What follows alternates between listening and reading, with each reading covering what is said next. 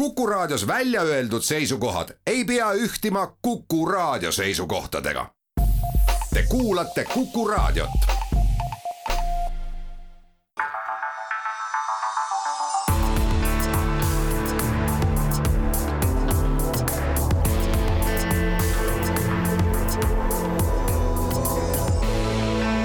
olukorrast ajakirjanduses tere pärastlõunat, kõik Kuku raadio kuulajad, sedapuhku ka Valgas, Tõrvas ja Antslas, kuhu me varem ei pruukinud hästi jõuda, aga nüüd on Eesti vanim eraraadio on lõpuks ka sinna saanud oma saatja püsti.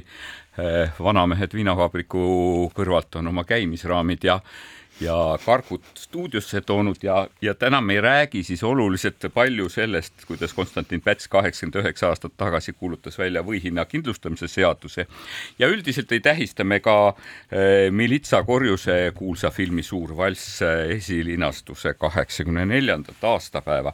küll aga räägime ajakirjandusest, räägime Riigikohtu otsusest ajakirjanduse valguses, räägime televaatajatest, räägime kõikvõimalikest muudest asjadest, vist otsime taga ka osasid Eestile olulisi majandusettevõtteid ja peame siin siis kinnitama, et meil ei ole sugugi kindel, et kas me ajakirjandusest rääkides esindame saate olukorrast ajakirjanduses seisukohti või mitte. valimiste eel on oluline seda mainida.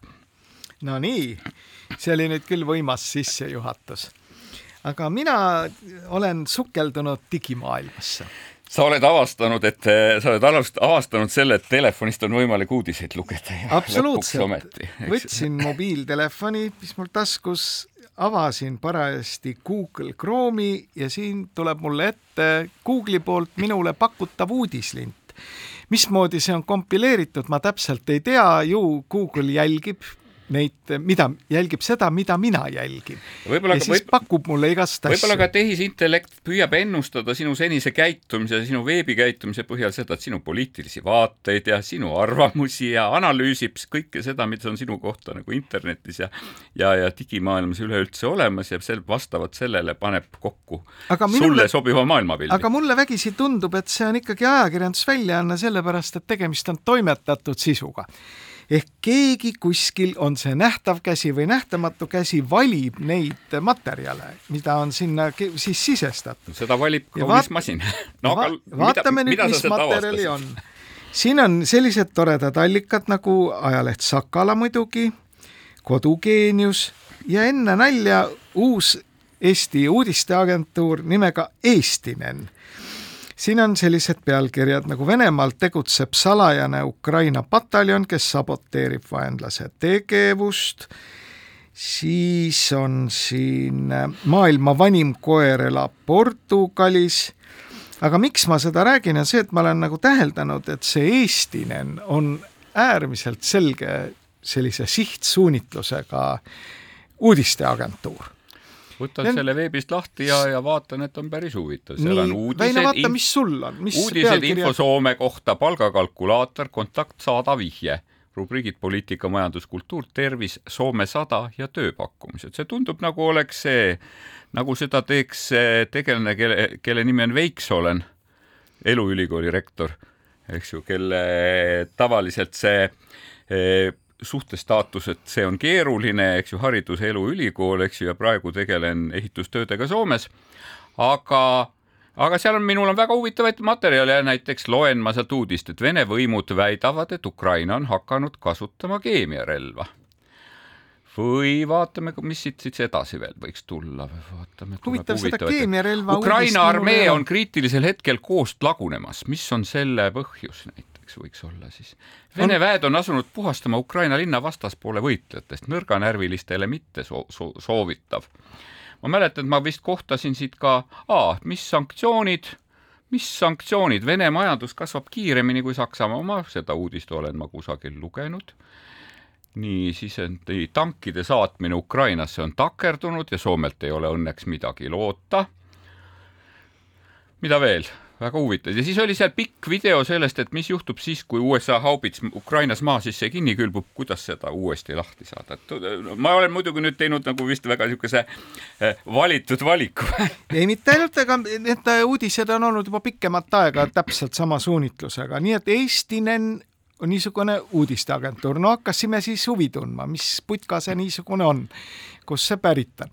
Nendega saab ühendust meili aadressil eestinen.fi, järelikult on tegemist siis Soomes registreeritud domeeniga. Aga kirjutatakse neid uudiseid täiesti selges eesti keeles. Ja see keelekasutus minu jaoks on ikkagi selline, et seda teeb väga selgelt Eestis vähemalt mingil moel eesti keelt õppinud inimene no, tugevalt me... eesti keelt õppinud inimene. mida me mida me siin, mida me siin keerutame ümber palava pudru, vaatan väljaandjana mittetulundusühing. Eestinen arveldusarve Swedbankis on olemas, kui me võtame Eestis registreeritud firma. täiesti Eestis registreeritud mittetulundusühing Võru maakonnas, Võru linnas Kreutzwaldi tänaval. Registrisse kantud, kahe tuhande kahekümne esimese aasta majandusaasta aruanne on esitatud, eh, tegevusala on muu tegevus, muu tegevus ja ja, ja need eh, seaduslikeks esindajateks ja lõplikeks kasusaajateks on muidugi kaks inimest, kaks, kaks inimest, üks perekond, eks ju, kellega meil Reinuga vist on olnud oma varasemas eh, professionaalses tegevuses kokkupuuteid olemas. on kokkupuuteid, ehk siis Inno ja Irja perekond Tähismaa.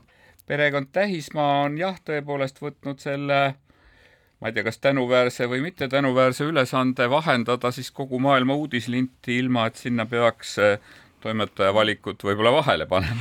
no see, et keegi nagu teeb mingisuguse juriidilise keha ja üritab toota tekste, et maailma vanim koer elab Portugalis ja sinna vahele siis niisugust Kremli jutupunkte ka, no iseenesest demokraatias, mis seal ikka aga kuidas on võimalik, et see on selles Google'i uudislindis, selles Discovery uudislindis, mida, mis jõuab siis kõigini nendeli, kes võtta mobiiltelefonist, teevad selle Google Chrome'i lahti. Ja kas seal on see mingisugune valiku tegemine lähtuvalt siis minu mingitest soodumustest või mitte, seda meil ei ole veel selleks saateks olnud võimalik välja selgitada, aga no ju midagi seal ikkagi see artificial intelligence ehk äh, tehisintellekt on, tehisintellekt tehisintellekt teab, mis on sulle hingele kallis. ei no selles mõttes, kui me meenutame, kui me meenutame sedasama Yuval Noah Harari äh, kuulsaid raamatut, mis eesti keeleski on ilmunud, siis ta tegelikult joonistab sellesama tehisintellekti rollist päris hirmutava pildi. ta ta räägib juhtumitest, et kuidas me ühel hetkel ei loe mitte enam raamatut või ajakirja, vaid ajakiri või raamat loeb meid mis on nagu selles mõttes vaatab, et kus su silm liigub ja millised laused sa vahele jätad, aga palju, palju nagu hirmutama pildi teeb ta sellest, et kuidas ühel hetkel tehisintellekt tunneb sind paremini, kui sina ise arvad ennast tundvat ja lähtudes kõik, kogu sinu varasemast avalikust tegevusest selles samas digiriigis, on ta ühel hetkel valmis äh, ennustama ja ennustama väga suure täpsusega, kuidas sina oma valimiskastis eh, kuhu, millisesse lahtrisse sa oma linnukese paned veel enne, kui sinu enda peas see mõte on tekkinud. Ja see, see, selle, see mõte on olnud mulle päris painav no eks kuule, selle tegev, sellega tegelevad uurimisinstituudid ja firmad kõigil, kellel on põhiülesandeks turundus, kuidasmoodi mõjutada inimesi teataval kombel käituma, enamasti on see seotud siis kaupade ja teenuste ostmisega turult, aga kindlasti ka poliitiliste valikutega. aga mis mind ikka tõesti huvitab, on see, et kuidas on võimalik sellel Eestinenil tulla nii jõuliselt sinna Google'i uudislinti. seal need teised kanalid on, enamasti, siin on hästi palju Õhtulehe materjale, aga siin on ka tõesti eh, maakonnalehtede materjale nagu Sakalast, Virumaa Teatajast, sellistest eh, portaalidest nagu Kodugeenius, mis iseenesest on inimeste jaoks nagu oluline lugemine. aga kuidas selline nii-öelda Kremli narratiivi eetrisse paiskamine jõuab jõuliselt sellisesse uudislinti, vot see on nagu minu jaoks endiselt suur saladus. siin oli muide ka objektiivist. pärast saadet me arvatavasti Reinuga hakkame võrdlema oma uudislinte, eks ju, mida Google pakub mulle ja mida Google pakub Reinule, eks ju. ma oletan, et need uudislindid on ka erinevad me peaksime võrdlema mitte ainult vist ilmselt eh, nende mobiilsete äh, seadmete uudislinti, vaid siis ka lauaarvutite omi, kas need on identsed, eriti juhul, kui neid kasutavad mitmed inimesed? ei, need ei ole kindlasti identsed ja ma arvangi selles mõttes, et see ühtepidi lähtub see sinu enda mingisugustest eh, brausimis või, või, või interneti sirvimise eelistustest, teisipidi lähtub see loomulikult sellest, mida inimesed mida inimesed internetis armastavad lugeda ja ma arvan, et lugu sellest, et kuidas öö, külmunud USA haubitsat, eks ju, niimoodi sealt Ukraina maast välja kaevata, eks ju, on mingis teatavas ringkonnas olnud päris populaarne, viraalselt, viraalselt levinud ja noh, see tehisintellekt on arvanud, et et seda võiks nagu veel rohkem soovitada, et ja seal ei saa muidugi siis tõepoolest alahinnata ka seda, et, et keegi selle tehisintellekti juures ka mudimas käib. aga meie siinkohal teeme väikese pausi, siis läheme tõsiste teemadega edasi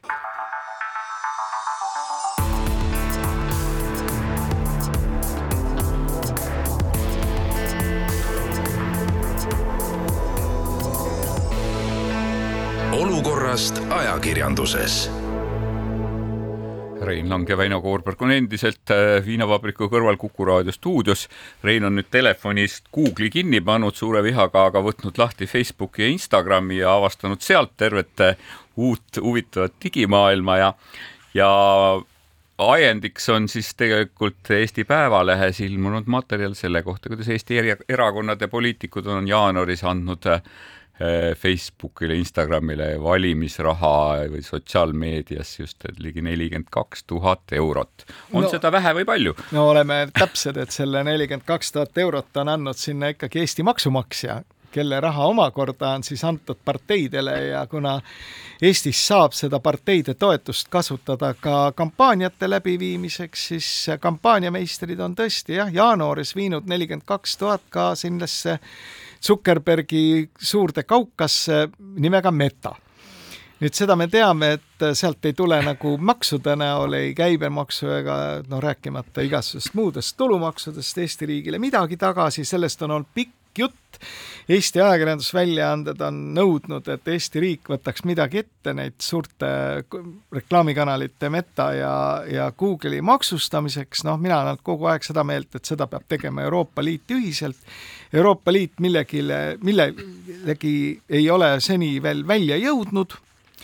Kas jõuab, ei ole päris kindel, igal juhul nelikümmend kaks tuhat nii-öelda Ameerika kaukasse see on nüüd on... ka lihtsalt see, mida me teame ja, ja ma mäletan, selles artiklis oli ka täpsustus, et, et siin on arvesse võetud eh, need reklaamiostud, mis on suuremad kui sada eurot, et kui seda on üheksakümne üheksa euro kaupa ostetud, siis see siis see veel ei kajastu. ei ole jah. isegi meie radarile pealegi. ja, ja me, ega me, me väga sageli, me ei tea tegelikult, eh, me ei tea sellest samast ei, ei Google'ist ega Meta reklaamimaailmast suhteliselt palju no,, palju täpselt, üldse, sest et, et, ma... et me ei tea üldse neid otseoste, mis nagu Google'i enda kaudu tehakse, lihtsalt äh, võrdluseks siis tõepoolest seda, et see näiteks, et Eesti reklaamiturg on praegu taastunud, taastunud tegelikult see suurest langusest ja minu meelest jõudnud mingisuguse kahe tuhande kuuenda aasta tasemele, aga aga sellest lisandunud, kogu selle lisandunud osa, eks ju, mis vahepeal Eesti majanduslangus kaasa tõi, on endale võtnud just need suured platvormid, et, et seda mul... ei ole tulnud meediaettevõtete kaukasse. mul on hea meel, et Päevaleht selle teema üles võttis aga ma oleksin ka väga skeptiline nüüd nende numbrite osas. et kindlasti on tegelikult see number, mis sinna Facebooki läheb, äh, kindlasti suurem, puht absoluutnumbrina. peale selle Facebook on suurepärane kanal ju ka ilma kaubalis-rahaliste suheteta me ei tea ka seda, kui palju Google'isse läheb nüüd äh, seda maksumaksja raha, mis nagu parteide kaudu läheb kampaaniasse ja mul on tekkis, tekkis üks niisugune küsimus, et kui me nagu aktsepteerime seda, et kampaaniat saab teha siis nende Ameerika suurte reklaamifirmade vahendusel, mis tegelikult töötavad ju Eesti ajakirjandusväljaannete vastu, sest nad viivad ära Eesti ajakirjandusväljaannete tulu. no ma tahaksin sulle vaielda, et ma ei ütleks ühtegi sõna, kui me teaksime, et, et Eesti aja, ajakirjandusväljaannetel on needsamad erakonnad samal perioodil, eks ju, toonud rohkem raha kui kunagi varem. kahjuks reedel oli just Akadeemilise Ajakirjandusseltsi töökoosolek, kus, kus Erik Kamse Põhjaranniku peatoimetaja päris mureliku suuga ütles seda, et, et üha rohkem me näeme seda, et seesama reklaamiraha, mis on, mis on valimiste eel, mis väga sageli just seda kohalikku ajakirjandust toetab. Ja me, me, me räägime tegelikult ikkagi küllaltki niisugusest nõrgukesest, õhukesest kihist, ütles, et, et, et see reklaamiraha tundub olevat nagu ikkagi kusagile mujale liikunud. jaa, aga vaata siia minu meelest see koer ongi maetud et nüüd on erakondadel kõigil on oma kampaaniameistrid, eks ole, reeglina on tegemist turundusfirmadega, kellel on enam-vähem ükskõik, kas nad müüvad poliitilisi ideid, poliitilisi figuure või siis kaeraputru, eks ole. Peaasi, et sellest makstakse ja nad saaksid, saaksid ette näidata pärast oma CV-s kõigile, et vot, me tegime seda kampaaniat ja selle tulemus oli selline, selline ja selline. viinereid müüdi seitse korda rohkem ja teatud isik teatud parteis sai nii palju hääli. Fine. ja seal ei ole, eksisteeri nagu sellist eetilist tasandit, et missuguseid kanaleid me siis kasutame. kasutame seda, mida inimesed pruugivad, mis on tegelikult meie kliendile kõige kasulikum. kui selleks on Facebook, kütame maksumaksja raha sinna Facebooki, jätame Eesti kanalid kõrvale aga miks Vene, mitte, miks kas, mitte kas, Telegram? ma, ma just tahtsin, ei no Telegram Telegramiks, ma tahtsin öelda, et kas Vene, kas Vene valijad püütakse praegu ka Eestis suletud eh, venekeelsetest telekanalitest, Eestis sa... suletud vene, Vene telekanalitest, mille kohta täpselt samamoodi Grete Palgi lugu oli vist minu meelest see, kes, kes, kes rääkis sellest, et et need tele, need televaatajad, kes vaatasid siis möödunud aasta veebruaris suletud Vene propagandakanalid, et need on kuidagi kadunud, haihtunud, pihustunud, et nende arvelt ei ole ETV Plussi vene ehk venekeelse kanali vaadatus kasvanud rohkem kui napp protsendipunkt, eks ju, et kaduma on läinud kusagil kolmteist protsendipunkti, eks ju. no sinnani veel jõuame, aga, aga eelmiste valimiste eel me üritasime sellel teemal rääkida, et kas ikka nende Vene kanalite, mis juba tookord paistsid silma sellega, et nad ei olnud mitte ajakirjandusväljaanded, vaid pigem relvad, et nende kasutamine Eesti valimiskampaanias jätab nagu sandi mulje et tegemist on eetikaprobleemiga, eks ole, et sisuliselt Eesti vastase propaganda vahele me üritame müüa nüüd seda, et noh, Yana Toom on meie parim esindaja, eks tookord ei, see meie karjumine läks nagu praktiliselt nagu hane selga vesi, eks ole, öeldi, et mis te õiendate, et tuleb kasutada neid kanaleid, mis töötavad. Keskerakond kasutas neid kuni viimase võimaluseni nüüd äh, täna ma küsingi, et kas see kolmteist protsenti televaatajaid, mis ootamatult on täiesti kadunud, eks ole, mingi uuringu kaudu, et kui kellelgi turundusfirmadest on teada, et need ikkagi kasutavad mingite nende Android bokside abil näiteks äh, Russia Today kanalit või ma ei tea, mis iganes, kas me paneme ka sinna siis reklaami või?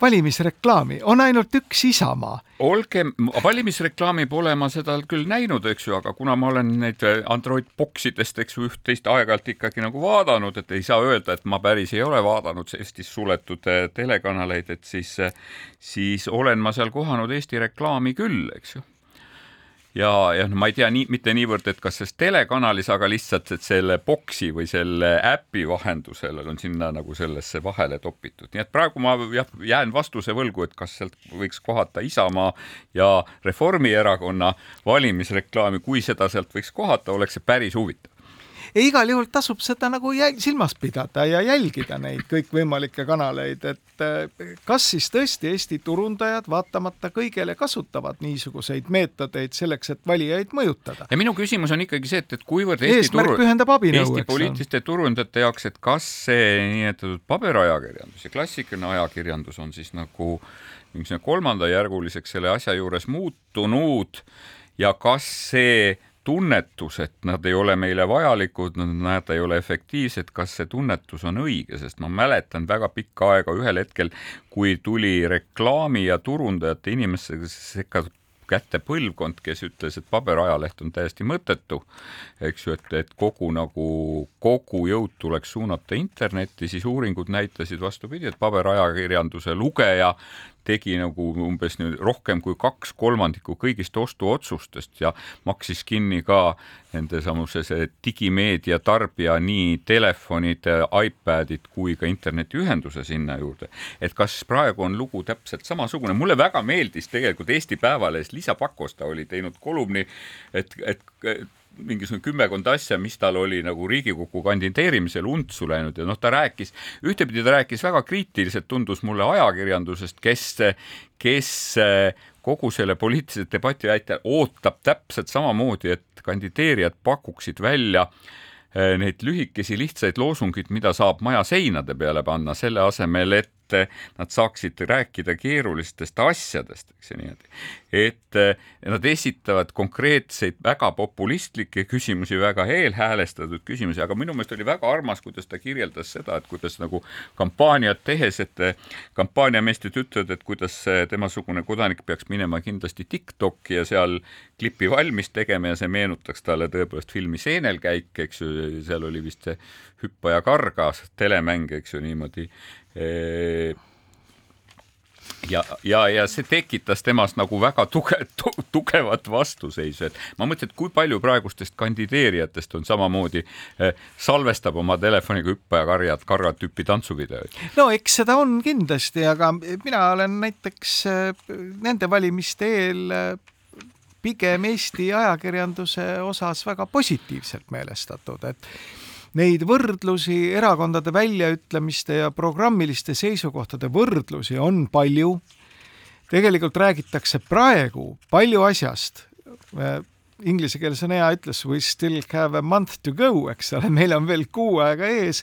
et eks need hüppa ja karga mängud ja palliga hüppamised ja, ja muna kandmine nina peal, need ilmselt veel tulevad, eks me ole. me veel jõuame seda vaadata. aga seni on tegelikult olnud nende põhitegijate nagu mõttemaailma analüüs üsna heal tasemel. Ma tahaks eraldi siin välja tuua muidugi eh, Päevalehe selliseid analüüse, kus Poom on minu meelest teinud ära ikkagi suure töö ja ja pidanud vajalikuks neid tekste võrrelda, mitte ainult lihtsalt lugeda ja, ja purtsatada välja, mida ta neist arvab, vaid ka võrrelda. ja kui seda joont suudetaks pidada, siis ma arvan, et Eesti valijal on tegelikult pilt märksa parem kui eelmiste valimiste eel nii et äh, soovime selles osas jõudu, aga seda enam minu meelest lasub ka nendel turundajatel ikkagi mingisugune eetiline kohustus, et kui hakata nüüd reklaamiraha jagama, siis mis siis jah, et, et see Meta ja Google võivad tunduda tegelikult äh, olulised kanalid nende kliendi seisukohast aga kas sinna selle raha viimine on nagu sada protsenti eetiline, selles ma ikkagi kahtlen. ja ma olen alati mõelnud, et Eestis vist arvestatakse seda kriteeriumi, et vot meil on siin mingi rahvuslik ajakirjandus ja rahvuslikud firmad ja Eesti asi vaja ajada märksa vähem kui näiteks Soomes. Soomes on iseenesestmõistetav, et alati eelistatakse Soome nii tooteid kui teenuseid. suo siis suomalaista, see on nagu emapiimaga edasi antud, eks ole, Soome inimesele. Tal on võrdlus, kas kasutada Soome kaubandusvõrku või Lidlit, siis ta valib igal juhul selle Soome kaubandusvõrgu aga meil on vist ikka ilmselt natukene seda niisugust moonaka ja sauniku mentaliteeti, et vaatame, kust odavamalt saab või vaatame sealt, kus lukku ees ei ole. meie siinkohal anname võimaluse teenida Eesti reklaamiandjatele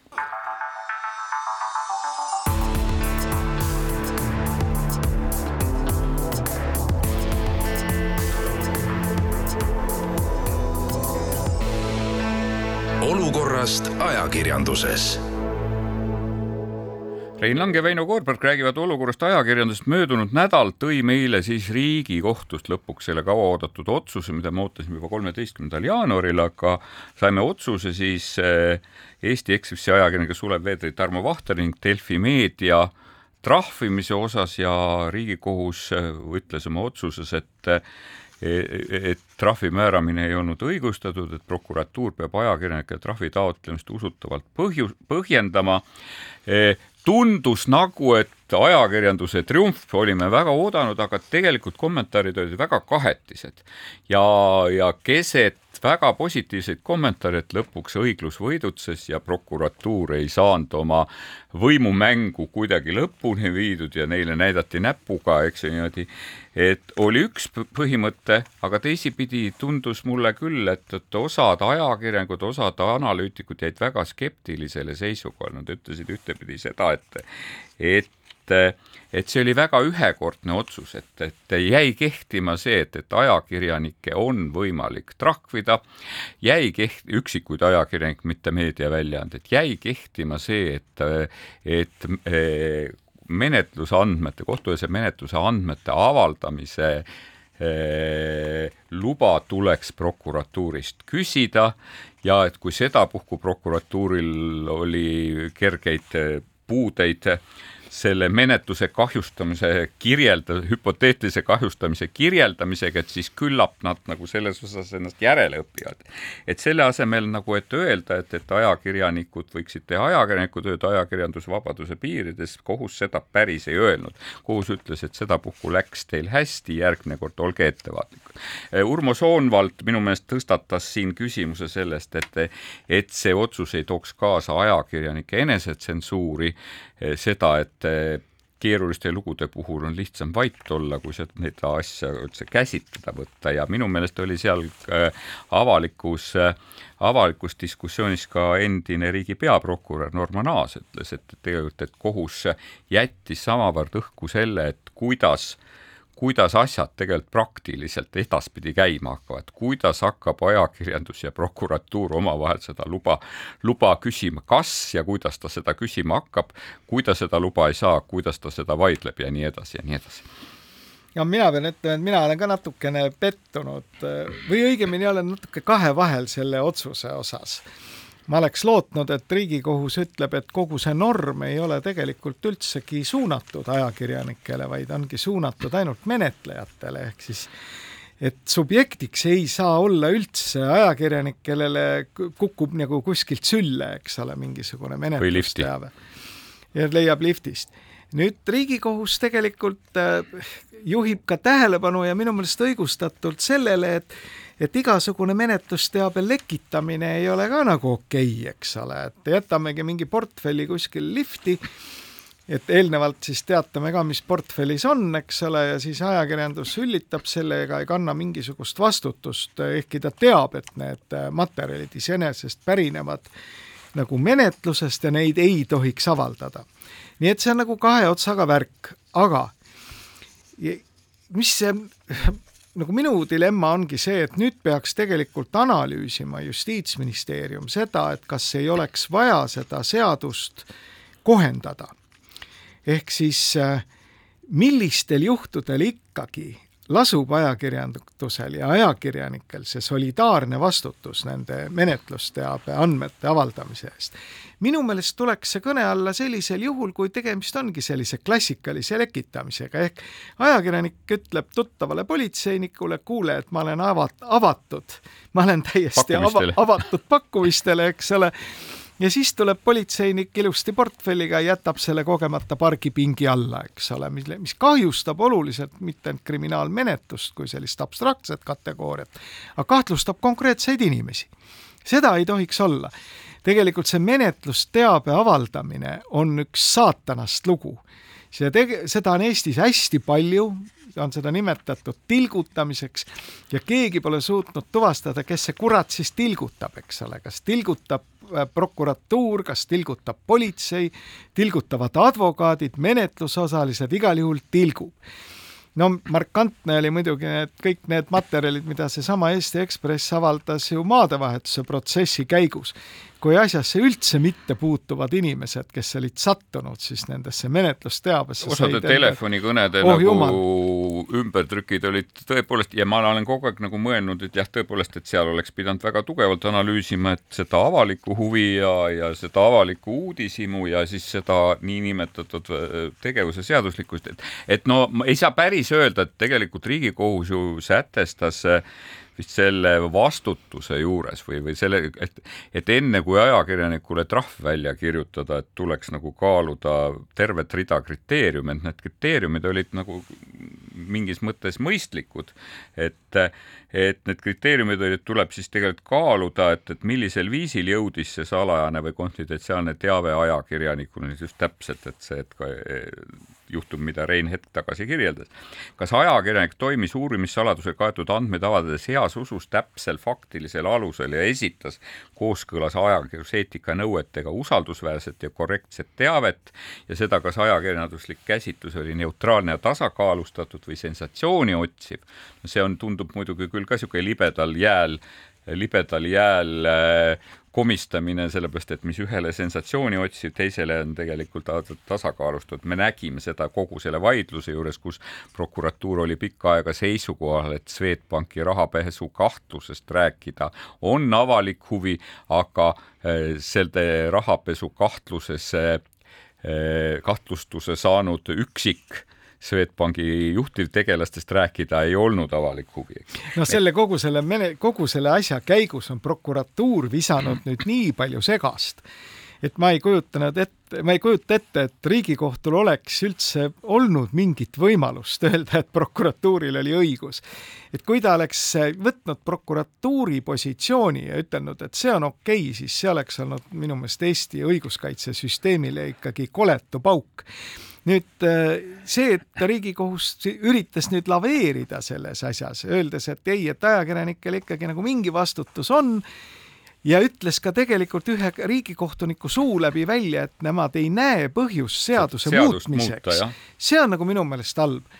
et siin peaks ikkagi nüüd poliitiline tasand need, kes seadusi teevad, ega siis kriminaalmenetluse seadustikku ei võta vastu ei prokuratuur ega Riigikohus, seda teeb ikkagi Riigikogu oma esindajate kaudu, keda me hakkame just valima. ja see debatt peaks nagu väga tõsiselt äh, olema esil, ehk siis võtame ka riigisaladuse puhul, Eestis on võetud omaks selline äh, lähenemine, et kui ikkagi riigisaladus satub isiku valdusesse ja ta ei pea aru saama, et tegemist on riigisaladusega, siis selle avaldamine ei ole selle inimese jaoks nagu kuritegu no, ja sama, samamoodi jah. on ju menetlusteabe puhul, et kui see ikkagi kukub sülle ajakirjanikule ja seda ütles ka Riigikohus, et see kukub kuskilt kolmandatest allikatest ajakirjandusele sülle, siis ei ole võimalik ajakirjanikke trahvida. aga kuidas välistada see pidev tilgutamine, see, see tsirkuse korraldamine. ma, ma jälle, vot jah, et siis peamegi siin, siin täpsustama raadiokuulajale, et mida me peame siis tilgutamise all silmas, sellepärast et tilgutamisest on üks samm vilepuhumiseni, mis on tegelikult ütleme Euroopa õigusruumis siiski väga tervitatav ja mis on ja väga kaheldav ja väga mitmeti tõlgendatav. positiivne nähtus, ma pean võtma ajakirjanike poole, aga, aga ühtepidi oli oluline kohus tõepoolest veel selle trahvi määramisel võttis arvesse, et vähemalt kohus möönis et sellel trahvimisel võib olla seesama ajakirjandust vaigistav, vaigistav tulemus ja ta tegelikult nagu ühena kuuest kaalumise kriteeriumist nimetas ka seda, et, et see karistus oleks oma olemust ja raskust arvestades proportsionaalne abinõu avaldamiskeelu rikkumisele reageerimisel ja kohus peab olema veendunud, et karistus ei kujuta endast teatud vormis tsensuuri. mulle siiski tundus, et nagu prokuratuuri soov oli, oli ikkagi nagu ajakirjandusele see põlv kõri peale panna ja öelda, et edaspidi te tantsite täpselt nii, nagu me tahame. ja, ja, ja siin tegelikult Norman Aas äh, minu meelest ikkagi tõstatas väga palju praktilisi küsimusi, et kuidas ikkagi hakkab välja nägema see, et, et ajakirjanik kooskõlastab oma ilmunud materjalid prokuratuuriga, kas sina kujutad ette? ei kujuta, noh, see ongi see üks võtmekoht kogu selles värgis. Et oletame nüüd, et täiesti heas usus toimiv äh, toimetus talle kukubki sülle mingi menetlusteave, mis äh, kukub selle tõttu talle sülle, et keegi sealt menetlusosalistest on rikkunud seadust, eks ole, ja sellele kuskile vedelema jätnud või toonud tahtlikult sinna toimetusse ja nüüd eh, tahan seda avaldada, leian, et see on avalikes huvides ka, et mis ma nüüd siis teen, kas mingi vorm olemas seal prokuratuuri kodulehe peal? ei, no Taotlus... arvatavasti saadad, saadad selle loo ülevaatamiseks peaprokurörile no ja kui see allkirja kirjutab peale, et tsensor lubatud avada, avaldada, eks ju, et siis on okei okay., et minu meelest on see nagu absurd, et aga... miks me peame sellise laeka aga ma veel ükskord tuletan ka raadiokuulajatele meelde ja muide prokuratuurile ka, et see norm sattus kriminaalmenetlusse menetlusse just nimelt selleks, et välistada sellist politseipoolset andmete tilgutamist ajakirjandusse, et selle üle oleks prokuratuuri järelevalve. et ta üksnes ainult prokurör saab anda loa menetlusteabe avaldamiseks enne kohtulikku arutelu ja see saab, see norm ongi suunatud tegelikult nende menetlejate omavahelisele käitumisele. nüüd, nüüd astus sinna mängu Tarmo Vahter koos Sulev Vedleriga ja lõi kogu selle kaardipaki segamini mille tulemusena on kes siis pool aastat nüüd veeretatud seda pontu laipa ühele ja teisele poole ja kahetsusväärselt jah, seda lõplikku seisukohta. päris maha milline... ei ole teda, päris maha ei ole teda ei mõetud, mõetud ja, ja, ja ma ütlen, väga huvitav see oleb, saab olema tegelikult ikkagi järgmine juhtum, et ütleme, ütleme siis, et Sulev Veetler, Tarmo Vahter oma järgmise looga pöörduksid eh, prokuratuuri, öeldes, et meil on siin homme ilmumas lugu ja prokuratuur ütleb, vot seda ei ilmunud seda ilmu meie ei luba muidu, et mis siis saab, eks ju, et põhimõtteliselt on võimalik seda otsust siis kohtus vaidlustada, aga me siis kujutame ette, et kujutad ette, et kui meie siin Reinuga vaidleksime selle üle, et kas mina tohin tema külmkapist kotlette võtta või mitte, eks ju, ja siis me läheme kohtusse vaidlema, kohus teeb kaheksa aasta pärast otsuse selle kotleti osas, eks ju, et et tõepoolest Koorbergil on õigus Rein Langi külmkapist seda kotletti võtta, et, et kas ma seda rohelist ollust, mis enam kotletti ei meenuta.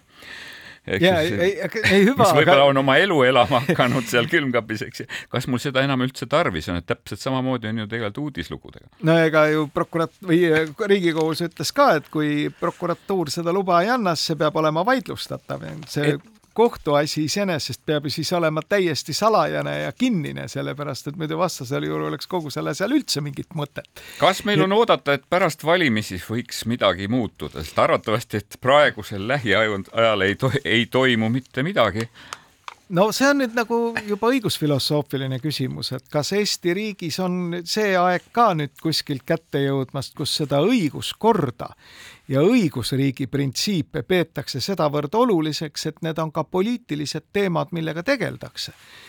tähendab, selle Riigikogu koosseisu juures, mis nüüd täna oma viimaseid hingetõmbeid teeb, ma seda küll ei näinud et see õigusriigi teema oli midagi niisugust, et lükkame selle kõrvale, see segab meid siin mingeid asju ajamast, eks ole. Ja sellest seotud, sellega on seotud ka kõikvõimalikud siis konfliktid, noh, millest muidugi markantne oli tõesti nüüd ajakirjanike trahvimine mina olen küll sügaval veendumusel, et see prokuratuuri initsiatiiv nende trahvimis, ajakirjanike trahvimiseks ei tulenenud mitte mingist õiguskorras valitsevast segadusest, vaid sulaselgest kättemaksusoovist, mis Kius, on veel eriliselt ütleks. vastik. et mis on, mis on, mis on eriliselt vastik ja, ja, ja mina tahaks sinna tõepoolest lisada veel selle, et, et, et ühtepidi me ei, me ei, mitte ei saanud selgust, võib-olla me ka päris seda selgust ei lootnud, kuigi see küsimus oli Riigikogu, Riigikohtus arutusel üleval, et ikkagi, milline oli üksiku ajakirjaniku roll materjali avas, avaldamisel versus siis väljaande või toimetuse roll? Ehk et, et kas me ikkagi nagu üksikut ajakirjanikku karistades ja trahvides, mitte meediaorganisatsiooni karistades ja trahvides, eks ju, ei vaigista sedasama ajakirjandust, ei heiduta neid samu ajakirjanikke ja, ja kogu aeg on siin räägitud tegelikult nii ajakirjanike õiguskindlustusest, mida siiski ma ei, ma ei ole nagu kuulnud, et keegi väga hästi siin Eesti, Eesti äriruumis pakuks, eks ju, on räägitud tõepoolest sellest ja minu meelest Risto Perens on siin, Risto Perens on isegi äh, isegi Facebookis lubas endale lause, et ja mul on väga hea meel, et ajakirjandusjuhid, kes veel mõned aastad tagasi leidsid ühes teises meediamajas sarnases ajakirjaniku isikliku trahvimise kaasuse, et reporter võiks kohtu määratud trahvi omast taskust kinni maksta, räägivad täna kardinaalselt teist juttu. no siin me oleme Väinoga erineval arvamusel, ütleme kohe ausalt välja. Väino on kindlalt seda meelt, et üksikut ajakirjanikku ei saa trahvida, et see organisatsioon peab vastutama. mina olen risti vastupidisel seisukohal seisukohal. ma arvan, et see solidaarne vastutus nii väljaandja kui ajakirjaniku puhul peab olema ja sellele andis ka tegelikult Riigikohus nüüd vastuse. ütles, et võib küll, kui ikkagi ajakirjaniku selline konkreetne käitumine on suunatud mingisugusele konkreetsele tegevusele, mitte ettevaatamatuse tõttu, vaid tahtlikult, siis on ka tema vastutus väga selge indiviidina olemas. minu meelest väga hea. sina väidad, et seda kindlustust ei ole võimalik turult saada, on küll me ei hakka praegu nimetama neid firmasid, sest tegemist oleks reklaamiga, aga see kindlustusliik on Eesti kindlustajatel täiesti olemas. aga meie teemegi siinkohal väikese pausi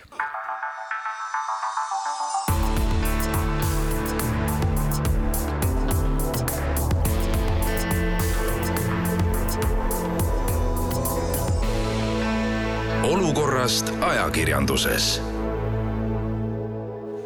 Rein Lang, Väino Koorberg tahaks Kuku raadios rääkida nii palju ajakirjandusest, aga millegipärast tahaks kõik, e, tegelik elu kutsub meid hoopis teistele radadele, peaksime ühte paari sõnaga rääkima natukene lennujaamast ja, ja, ja, ja sellest, kuidas Ryanair on otsustanud äh, Tallinnast tühistada üheksa otselendu pärast seda, kui lennujaam on otsustanud lennujaama tasusid tõsta.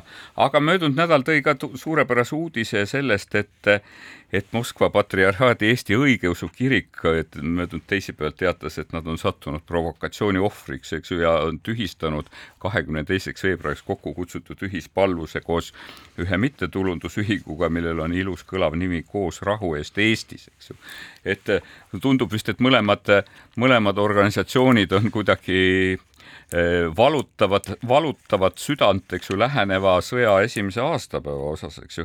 aga tundub, et asjad läksid hästi, et siseminister kutsus, kutsus äh, kirikupea vaibale, eks ju, ja, ja selgitas talle tema tegevuse amoraalsust, eks ju, ja, ja ühes sellega kirik siis võttis patukahetsuse rüü selga. minu meelest see oli nii tore, juba teist korda saab siseminister ilusa punase lipsuga troonida ajakirjanduses, kutsuda vanamees välja, näidata talle näpuga, nii ei tohi ja öelda, et vot, tegin metropoliidile siin selgeks, et igasuguste pättidega ei tohi palvust korraldada. metropoliit tõmbab kõrvad pealegi, läheb välja ja kõik on jälle korras enne valimisi äkki saaks kolmanda seeria ka et kogu sellele värgile. et see tõepoolest on selline, selline armas, armas, armas juhtum, eks ju. selle kohta mulle kuulaja tähelepanu juhin Kaarel Tarandi kolumnile sir möödunud Sirbis, kus ta tegelikult kajastab nii seda ajakirjanike otsust kui ka kui ka Eugeeni vaibale kutsumise juhtumit ja, ja räägib natukene ka sõja, sõnavabadusest ja sellest, et kas Koraani põletamine on sõnavabaduse akt, eks ju, või mitte, eks ju, selles osas ja et noh, tuues võrdluse selle kohta, kuidas, kuidas Rootsis Koraani põletajate pärast, eks ju, on tekkinud teatavad ebakõlad suhetes Türgiga ja ta ütleb nii armsalt, et konkreetselt põletamise, olgu tegu raamatu, mõne riigi lipu või mõne riigijuhi näoga nukuga ohjeldamiseks piisab märksa tagasiotlikum, tagasihoidlikumatest vahenditest kui seaduse jõud.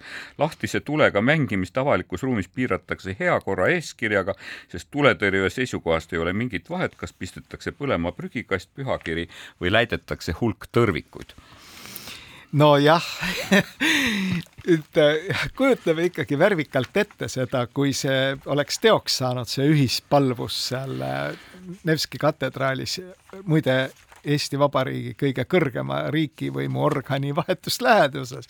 ma arvan, et nalja oleks päris kõvasti saanud.